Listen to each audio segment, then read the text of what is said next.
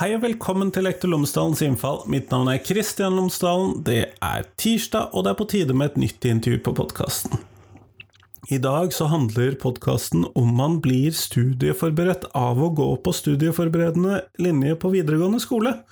Og det tror jeg kan være interessant. Jeg snakker med Per Olaf Aamodt og Berit Lødding fra Nordisk institutt for studier av innovasjon, forskning og utdanning, også normalt sett kalt NIFU, for det er en munnfull, og de har vært med å skrive rapporten Studieforberedt etter studieforberedende, overgangen mellom studieforberedende utdanningsprogram og høyere utdanning belyst gjennom gruppesamtaler med lærere, studenter og elever.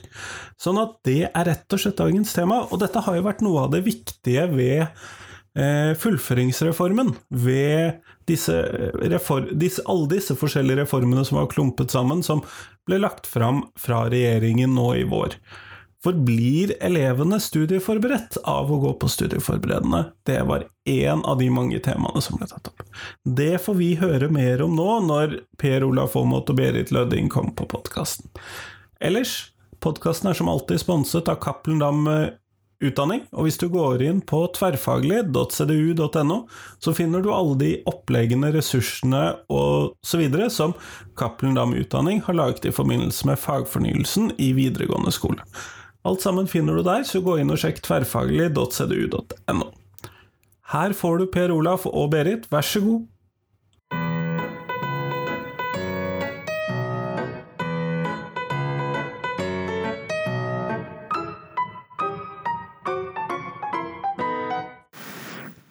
Per Olaf Aamodt og Berit Lødding, tusen takk for at dere har tatt dere tid til meg i dag.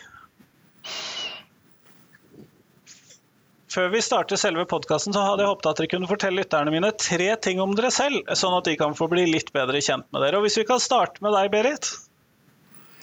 Ja, først så kan jeg jo si at jeg er forsker på NIFU. Eh, og som forsker og kvalitativ forsker så syns jeg det er viktig å bevege seg rundt omkring i landet og oppleve og, og oppdage eh, skolevirkeligheten andre steder enn bare i Oslo.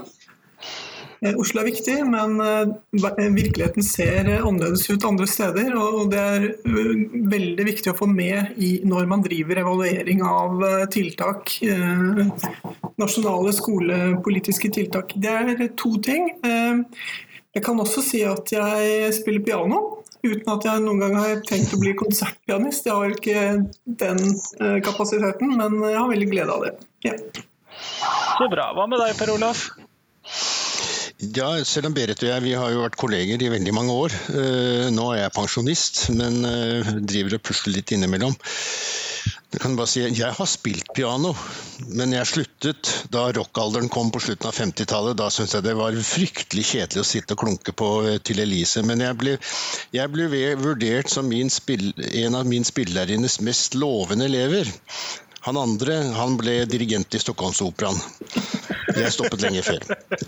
Men jeg har da en eh, jeg er sosiolog. Jeg, jeg har en helt annen stort sett forskningstilnærming. Jeg jobber hovedsakelig kvantitativ med statistikk, så jeg er vel egentlig en klassisk tallknuser. Og Det er kanskje nettopp derfor Berit og jeg i stort sett har samarbeidet veldig godt, fordi vi har utfylt hverandre, og ikke minst i dette prosjektet utfylt hverandre. Det jo, men det var jo flere medarbeidere med i dette prosjektet, for det var jo et ganske omfattende prosjekt i sin tid. Og, det, eh, og, når du da sier dette prosjektet, fordi det, det, er jo grunnen til at jeg snakker med dere i dag, det er det at dere har vært med på denne rapporten som heter eh, 'Studieforberedt etter studieforberedende'. Mm. Og den kom jo ut i 2015, men det må jo, jeg må jo si at den har jo fått en hva skal vi kalle det, et tema har fått en veldig stor oppsving nå i forbindelse med fullføringsreformen. Men i dag så skal mm. vi forholde oss til hva dere jobbet med da. Men hva vil det si å være studieklar? Hva er, eh, hva er det? Det var nøyaktig det spørsmålet vi stilte til eh, universitetslærere, altså lærere på universiteter og høyskoler, og til studenter og til lærere i videregående og elever. Og, og, vi lyttet jo særlig til de ansatte på universitetene og høyskolene. Og det Ja, det, det, et, et, kjernespørsmål er om man er forberedt på å ta mye ansvar selv for, eh, det, for å lære. Eh, det er en kjerne i det å være studieforberedt. At man eh, er selvgående og, og, ja, og, og tenker langsiktig. Men det er mange svar på det spørsmålet. Hvis jeg skal legge til, så er det jo slik at all, all forskning viser, og alle våre personlige erfaringer viser, at overgangen fra videregående skole til høyere utdanning er krevende.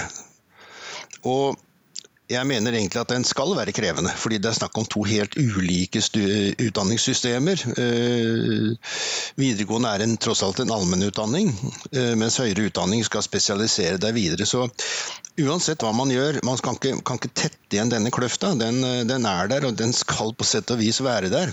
Det tror jeg er noe av den vi skal unne de unge den krevende overgang det er der, å finne seg til rette med denne både sosialt, faglig, arbeidsmessig osv. Men det er ikke dermed sagt at, eh, at denne kløften skal være uoverstigelig, men det er en kløft, og det tror jeg bare man må erkjenne. Og ikke altså alle forsøk på en måte å eh, at denne overgangen skal være fullstendig friksjonsfri, det er jeg ikke så sikker på om er en god idé. Nei, nettopp. Sånn at eh, selv om man da kan tenke seg at vi skal gjøre noen studieforberedt, disse elevene som jeg skal sende ut av videregående skole, så er tanken at det kommer man rett og slett ikke unna at det er et visst gap der eh, opp til universitet og høyskole. Ja. Mm. Og så da si at det gapet er jo uh, veldig, henger veldig sammen med hva slags studium man uh, går inn i. Det, det, er ingen tvil om. Det er store forskjeller i hvordan også studiene i høyere utdanning er organisert, hvilke krav de stiller. Berit? Ja, um, det så vi jo veldig, altså, veldig stor forskjell på hvor strukturert mm. tilværelsen var for, for nye studenter i, i fag, altså avhengig av fag.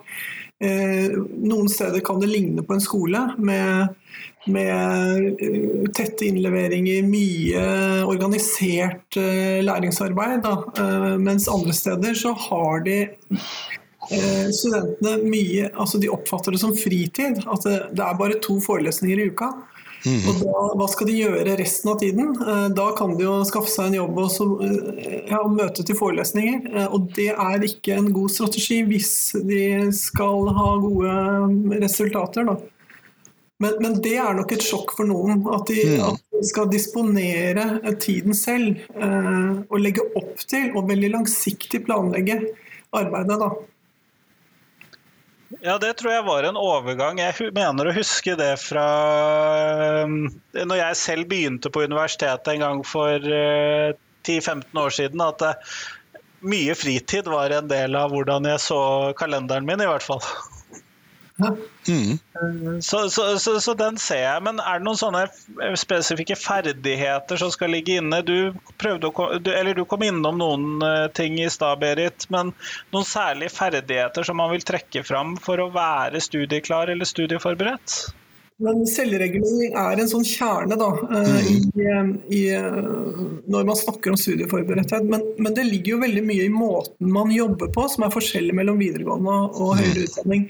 I, i videregående så er det mye prøver, og man, man sjekker hele tiden at uh, elevene følger med gjennom altså lekseprøver uh, osv. Eh, mens i høyere utdanning så er det ikke den sjekken hele tiden. Eh, så eh, det overrasker kanskje begynnerstudenter at de skal ikke hele tiden eh, eh, vise hva de har lært seg. Det kommer mye senere, og man må bygge den kunnskapen ganske langsomt og, og møysommelig opp. Da. Eh, kritisk tenkning er jo også en, en sånn ferdighet, eh, kanskje, men, men, den forutsetter jo eh, mye kunnskaper. Man kan ikke bare være kritisk uten å ha kunnskaper i bunnen. Eh, Det syns jeg var et interessant eksempel som kom fram fra geofag. Eh, Hvis man skal skjønne at det er kreasjonister som har skrevet en tekst, så må man ha veldig mye faktakunnskaper for å uh, avsløre hva som er feil i fremstillingen. Og, og da blir det jo sånn at de prøvene man stadig har på videregående, de har et formål også. De, de, man, man, liksom, man bygger faktakunnskap og, og innsikt uh, i, i, i et fagområde. Da. Nå er jeg også, jeg trakk frem at høyere, hvordan, hva høyere utdanning gjør er veldig viktig. Nå har jo også høyere utdanning endret seg en god del, og eh, med den som nå begynner å bli 20 år gammel, kvalitetsreformen, så ble jo studieorganiseringen endret ganske mye fra et system som eh, iallfall Berit jeg opplevde, hvor du begynner på et grunnfag, og så går du et helt år fram til, eh, til du har eksamen på våren. Og ingen, ingen vet om du er der, ingen følger med om du leser, ingen sjekker din for egen framgang. Du er helt og holdent, eh, over, var helt og holdent overlatt til din eget skjønn om hvor du sto. Og det ble eh, relativt ofte et sjokk når eh, man møtte eksamen.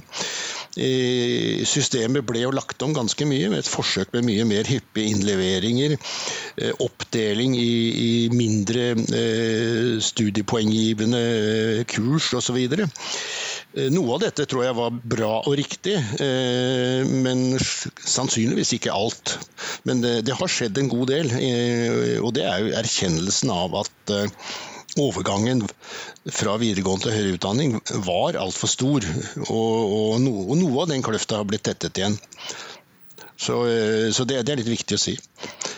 Ellers så er det jo altså, liksom når, Som sagt, nå begynner jo det blir lenge siden vi skrev den rapporten, men noe av det som slo oss og, og meg veldig mye også, ikke, det var at eh, vi trodde jo når vi snakket med eh, undervisningspersonalet ved universiteter og høyskoler, og de er jo viktige. Det er både de som kan formidle kunnskapen, og det er de som på en måte er eh, bærere av de faglige standardene og kravene.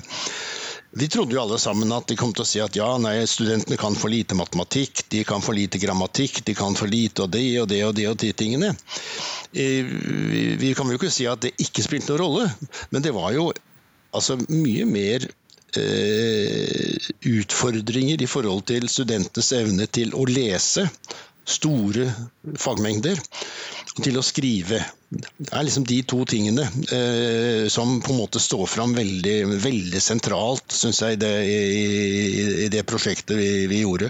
Og det, det er nesten litt uavhengig om akkurat om studieordninger og mye slik, men at, eh, at eh, fra å få liksom en en, en, en lærebok på 200 sider i, på videregående servert med teskjeer med ti sider til neste, neste onsdag, så får man da klasket et pensum på flere tusen sider som man skal lese i løpet av et semester eller så og så lang tid.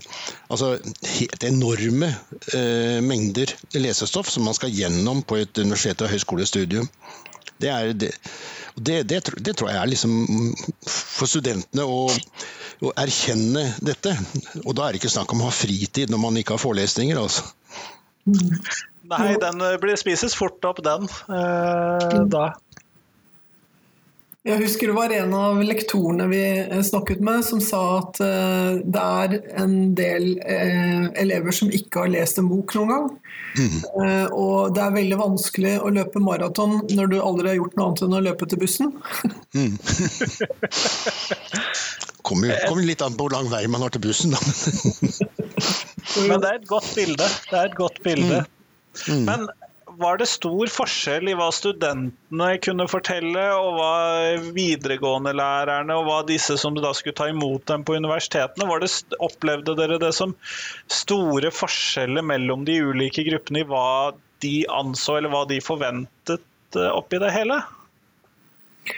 Jeg tror nok at um, Jeg syns det var slående hvordan studentene eh, i høyere utdanning uh, var ganske enige med lærerne. I at eh, videregående At det, det var mye som eh, ikke var optimalt med videregående. Da. Eh, mens elevene som så for seg at de skulle studere, de følte seg ganske forberedt, og det ville komme etter hvert. Og, og litt sånn bekymringsløst. Mens altså, studentene hadde jo den eh, muligheten til å se tilbake, og, og, og de mente at de lærte en hel masse utenat. eh, Eller altså de, de pugget til en prøve, for så å glemme det, var det mm. som til og med sa. For å glemme det etterpå. Eh, Og det er jo heller ikke noe eh, bilde av å bygge kunnskap. Eh, eh, når det er sånn det oppleves, at man, man pugger til en prøve, og det er veldig prøveorientert, eh, alt det man skal lære seg. Eh, og så hadde jo eh, lærere vondt av elevene også. Det, at de hadde så mange krav til eh, stadig, Det var stadig prøver, og de kunne ikke pålegge dem å, å fordype seg og sette seg ned og konsentrere seg om å, å lære noe litt grundigere. Da. Mm. så, så ja, her var mange fanget, på en måte. Øh, Hvis jeg husker riktig, Berit, så er det vel slik at selv om vi fikk, vi fikk jo veldig ulike historier fra elever, fra studenter, fra lærere i videregående skole og lærere i høyere utdanning. Men det var ikke slik at, at, at det var helt diametralt ulike innfallsvinkler, og at det var liksom noen konflikterende synspunkter. Det var vel heller at, var at disse synspunktene fra forskjellig hold bygde seg opp til en relativt felles historie. Er ikke det riktig å si? At det var, at det, det var, det, det, det var mer det at man så ett og samme fenomen med uli, uli, ulike øyne, men det var, ikke, det var ikke sånn at de var Nå brakte vi dem aldri sammen, da, så de fikk jo ikke diskutere med hverandre. Men jeg, jeg har et bilde av at det var mye samsvar i, i mange synspunkter her.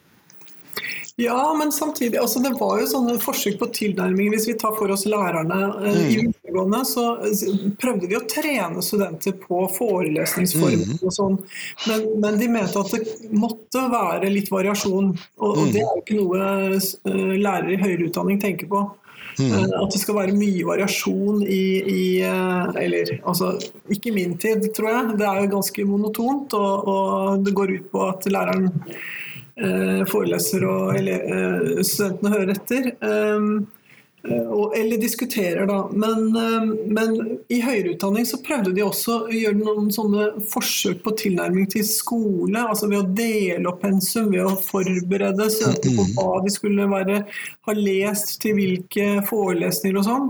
Men likevel ble, var det disse lærernes erfaring at studentene opplevde lesebyrden som massiv. Altså det, de hadde bare altfor mye de skulle lese. Da. Ja.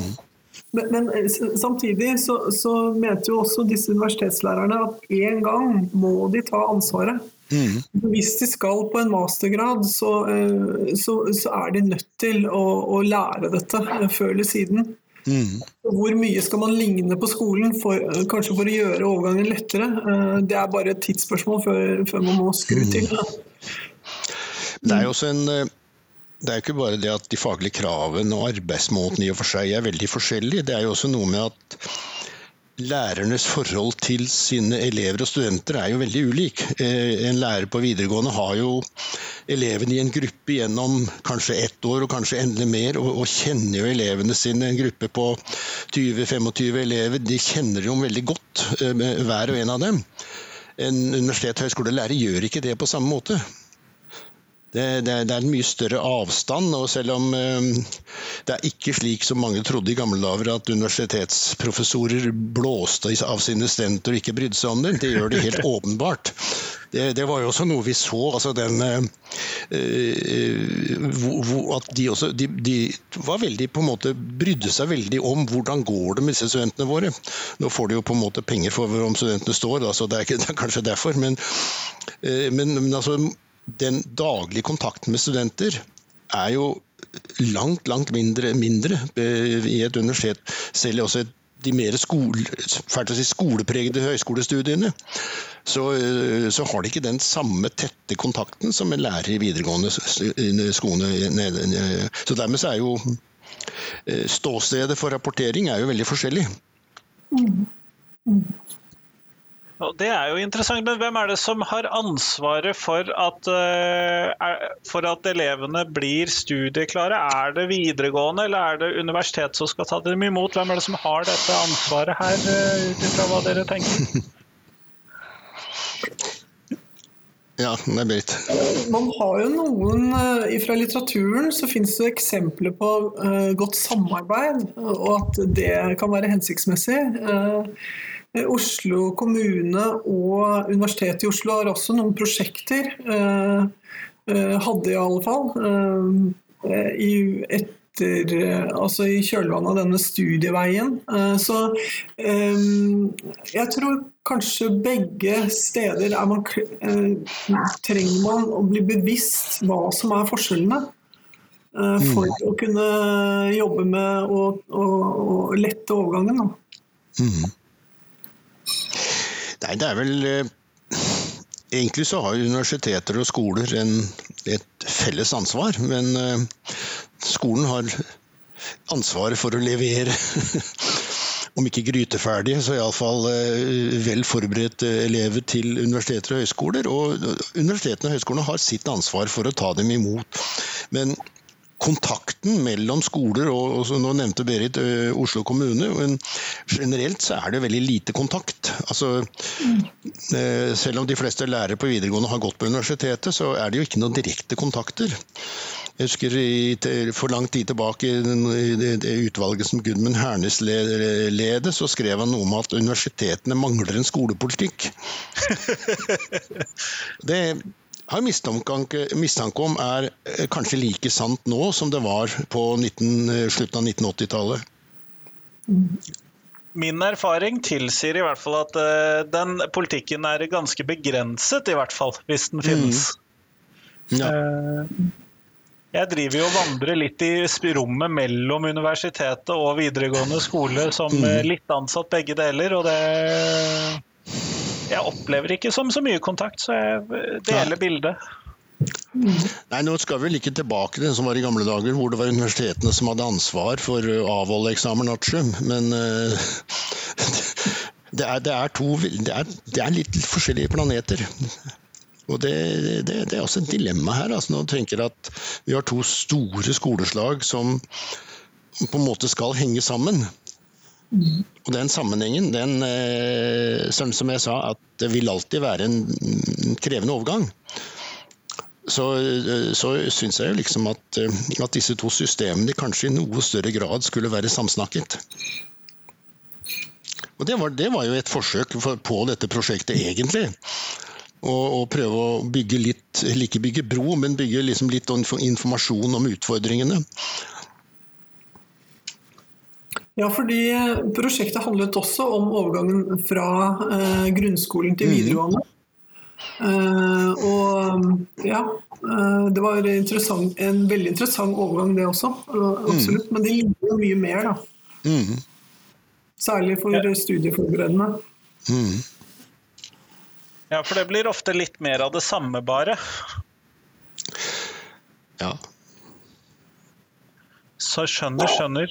Men eh, når jeg da, fordi at en av mine ting som jeg syns er viktig at elevene kan når de kommer ut fra hos meg, er at de er relativt selvstendige individer. Eller sånn at de mm. klarer å sette seg ned og arbeide, og så Eh, at de kan drive seg selv litt. Var det noe som ble trukket fram fra disse ulike aktørene i studien deres? Ja, det å ta ansvaret. Mm. At, altså um, betydelig, betydelig innsats i det å orientere seg. Altså, Eh, og så er det jo grader av tilrettelegging for at uh, det skal gå uh, fort og greit, liksom. Men, men det, må, det, forventer høyere utdanning at nye studenter orienterer seg om hva mm. som kreves. Og at de ikke bare sitter og venter på at det også skal bli fortalt dem. Mm. Nettopp, nettopp. Så det kan være en riktig linje, i hvert fall at det er på plass. da, som, uh, Så skal de jo lære masse ulike ting på universitetet. Nå vet jeg ikke hvor mye du Jeg har ikke lyst til å si så veldig mye om eh, fordi jeg har ikke noen ekspert på hva som har skjedd med de ulike skolereformene. Det er jo Enhver uh, utdanningsminister må jo lage minst fire skolereformer for å bygge statue av seg selv. Men, uh, og, de, og, og, og, det er et klokketro blant politikerne om at nå har vi løst problemet, nå har vi laget det, nå har vi hatt fagfornyelsen og gud veit hva det heter alt sammen. Uh, jeg har begynt å bli veldig skeptisk til alle disse reformene, om de egentlig gir så veldig mye. Det, det, det er nå så, men det, jeg skal ikke dra det for langt. Men det er en av de tingene som jo reiste seg, og det er jo at en av de tingene jeg tror vel kanskje særlig lærerne i videregående pekte på, at du får arrestere meg det er feil, at et av problemene, og kanskje også elevene, at de, de, elevene på videregående skal, skulle, de skal gjennom så utrolig mange fag. Og de, som stablet på hverandre og osv. Og, og så har man vel forsøkt å redusere antall fag, da. Men da kommer det kritikk mot det. at da, da, kan du jo ikke det. Da er du jo ikke like studieforberedt i alle de fagene de skulle. Så her, her er det jo et veldig dilemma. Mm. Eh, at, for du kan jo ikke utdanne en elev fra videregående som bare kan fysikk og matematikk. Det ville være rimelig håpløst. Mm. Så den der, eh, graden av fagbredde, eh, fordeler og ulemper ved den, den, den tror jeg er en ting man bør diskutere litt mer. Ja, Et alternativ som kom, uh, i stedet for å redusere antall fag, uh, ville være å, å, å, kunne utkvittere fag etter hvert. Mm. Så at uh, man fordyper seg en periode, og så er man mm. ferdig med andre fremmedspråk eller mm. sånn. Ikke sant? Og det, det, er en annen variant da, enn å mm. redusere antall uh, fag. Uh, mm. og, og med, ja, det er jo også mer valgfrihet som ligger i, i løftene om dette nye. Da. Mm. Nettopp. Sant, og her er vi jo da på overgangen til fullføringsreformen, og det blir jo spennende å se og det skal dere få slippe å uttale dere om, men det er mm. spennende å se hva de kommer fram til for å prøve å løse noen av de tingene som dere peker på her. da. Mm. Eh, når man endelig kommer i mål med den reformen. Ja. Nå er jo fullføring et mye større problem innenfor yrkesfagene enn det er i studieforberedende. Så bare la det sagt. Så, mm. Og Det er det definitivt. Vi går mot slutten av podkastintervjuet, og da vil jeg gjerne høre dere si, svare på det siste spørsmålet som jeg alltid stiller, og det er hva er de tre viktigste tingene skolen lærer elevene? Og da, Siden eh, Berit begynte i stad, Per Olaf, så får du begynne nå. Ja, nei, altså Står det ikke i skoleloven i gamle dager at skolen skulle gjøre elevene til gangs mennesker? Altså det, det allmenndannende perspektivet tror jeg er veldig viktig. Og det allmenndannende perspektivet tror jeg også er et, en viktig inngangsbillett til, eh, til, eh, høyere utdanning. Altså ikke bare kunnskapen i enkelte faget, men altså det å bli selvstendig tenkende, kritiske mennesker. Alt dette er eh, kanskje det aller viktigste. Men så er det, også da, det er jo noen basale fag som man, man må gjennom. og det som ble sagt her tidligere, altså dette dilemmaet men på den ene så skal man da utvikle eh, kritisk sans. Men samtidig kan ikke kritisk sans flyke i lufta uten å være basert på solide kunnskaper. Så igjen så er jo oppgavene til videregående opplæring er jo egentlig formidable. Det, det er utrolig mye som man skal kunne kreve. Eh, alt kan ikke oppfylles, men eh, nå var det kanskje bare to ting. Men det får holde. De var så lange, så det får holde. Berit? Ja, eh, jeg tenker vel at det aller viktigste de kan ha med seg fra skolegangen, er å ha erfart at det gir uttelling å, å prøve. Mm. Altså det at de anstrenger seg, gjør en forskjell. Jeg har intervjuet mange ungdommer utenfor videregående opplæring som har eh, valgt å kutte ut eller ta en pause. Og, og det mest fortvilende er den holdningen at de har fått det bevist at de har ikke evner. Mm. De har prøvd, og det gikk ikke, så da. Uh, mens uh, Altså, å, å, gjøre den erfaringen at det hjelper å trene, det, mm. det er helt avgjørende. Uh, det har jeg også fra egen pianoøving. Mm. Eh, men, men, det betyr at altså, å, å, trene seg på utholdenhet eh, tror jeg er mm. ganske vesentlig. Nettopp, nettopp. Kjempeflott. Tusen takk for at dere tok dere tid til meg i dag. Det var veldig hyggelig. Ja, veldig hyggelig.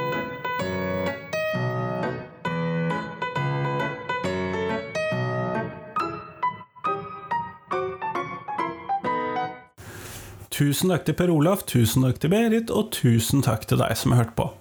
Nå er det fram til i morgen så kommer det en ny ekstraepisode. Jeg måtte klemme inn et politisk parti til. Men det kan du få høre hva var i morgen. Ellers, jeg håper at du slapper av med sommerferien. Vi går mot slutten av eh, fellesferien for de fleste. Vi nærmer oss også at skolestart begynner for de av oss som er lærere, eller foreldre for den saks skyld.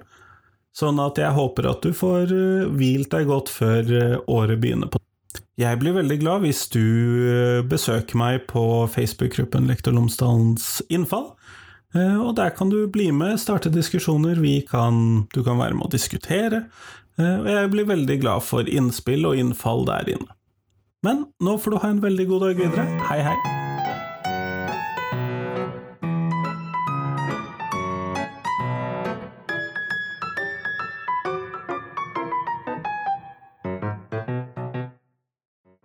Husk at du kan gå inn på Facebook og finne Facebook-gruppen Lektor Lomsdalens innfall hvis du har lyst til å være med og diskutere norsk skole.